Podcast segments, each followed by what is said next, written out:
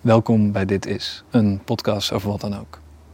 Mijn naam is Dennis Gaans en dit is twee verhalen van en één herinnering aan A.L. Snijders. En laten we maar met een van die eerste beginnen. Een verhaal van de A.L. Snijders. Het stukje heet De Dreiging. We hebben nu een volksvertegenwoordiger die kilometers op korte afstand achter een oude man loopt die zijn hond uitlaat. De oude man heeft de gewoonte op zijn route de eendjes te voeren, maar hij ziet ervan af. Hij is bang dat de volksvertegenwoordiger hem in het water zal duwen. Hij is bang dat hij zal verdrinken. Als hij thuis is, huilt hij. De volksvertegenwoordiger behoort bij de partij waar angst en dreiging gewaardeerde gasten zijn. Op een koude herfstavond zien drie gezonde jongens een introverte knaap met een vioolkist staan op het station van Ruurlo. Hij wacht op de trein, het is mistig. De jongens komen op hem af. Ze vragen wat er in de kist zit.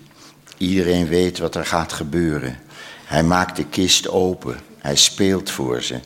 Als het genoeg is, zullen ze de viool vernielen. De komst van de trein redt het instrument. De gezonde Hollandse jongens gaan een mooie toekomst tegemoet. De partij wacht.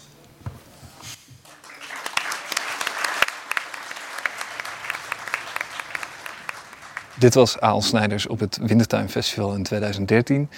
En voor wie Aal Snijders niet kent, dit is wat hij deed. Zeer korte verhalen. Heel veel zeer korte verhalen. Heel erg goede, zeer korte verhalen. En ik interviewde hem toen samen met Maartje Wortel. Omdat hij het jaar daarvoor door de Wintertuin in een programma gezet was. Op Oerol met Maartje Wortel. En op datzelfde Oerol leerde ik hem kennen.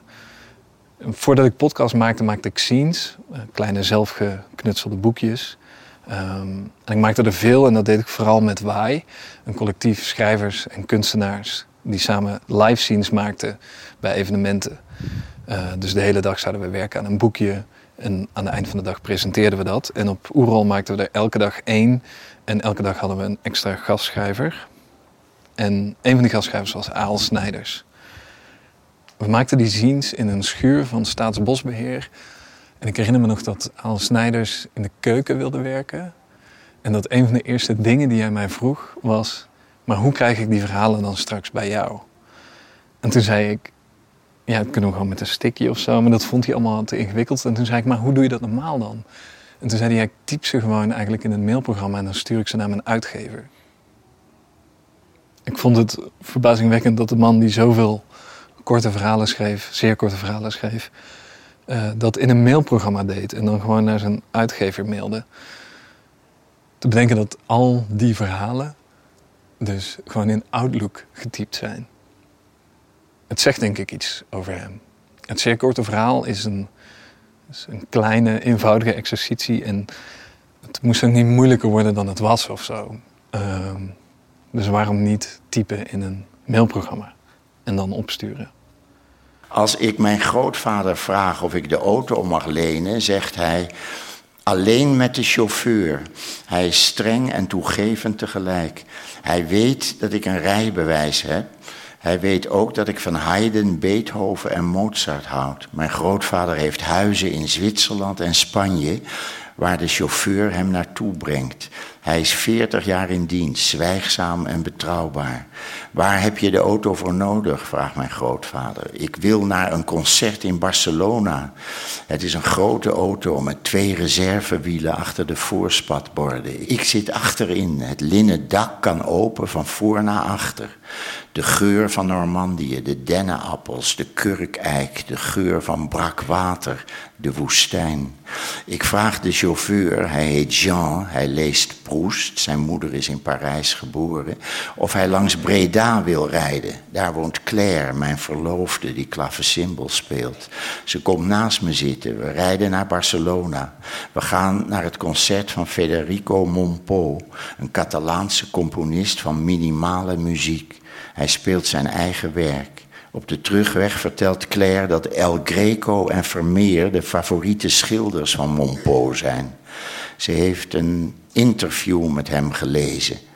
Op de vraag welke componisten hij bewondert, is zijn antwoord allemaal, behalve Haydn, Mozart en Beethoven. Jean vraagt of we er bezwaar tegen hebben de laatste dag langs de kust te rijden. Hij trakteert ons op mosselen. Bij de maaltijd vertelt hij dat hij meer van Satie houdt dan van Monpont, die hij te mystiek vindt. In Breda zetten we Claire af. Op het laatste stuk naar Amsterdam legt Jean uit dat kunst niet moet vluchten, maar de dingen moet beschrijven zoals ze zijn. Hij zet me af bij de magere brug. We kijken nog even over de glinsterende Amstel.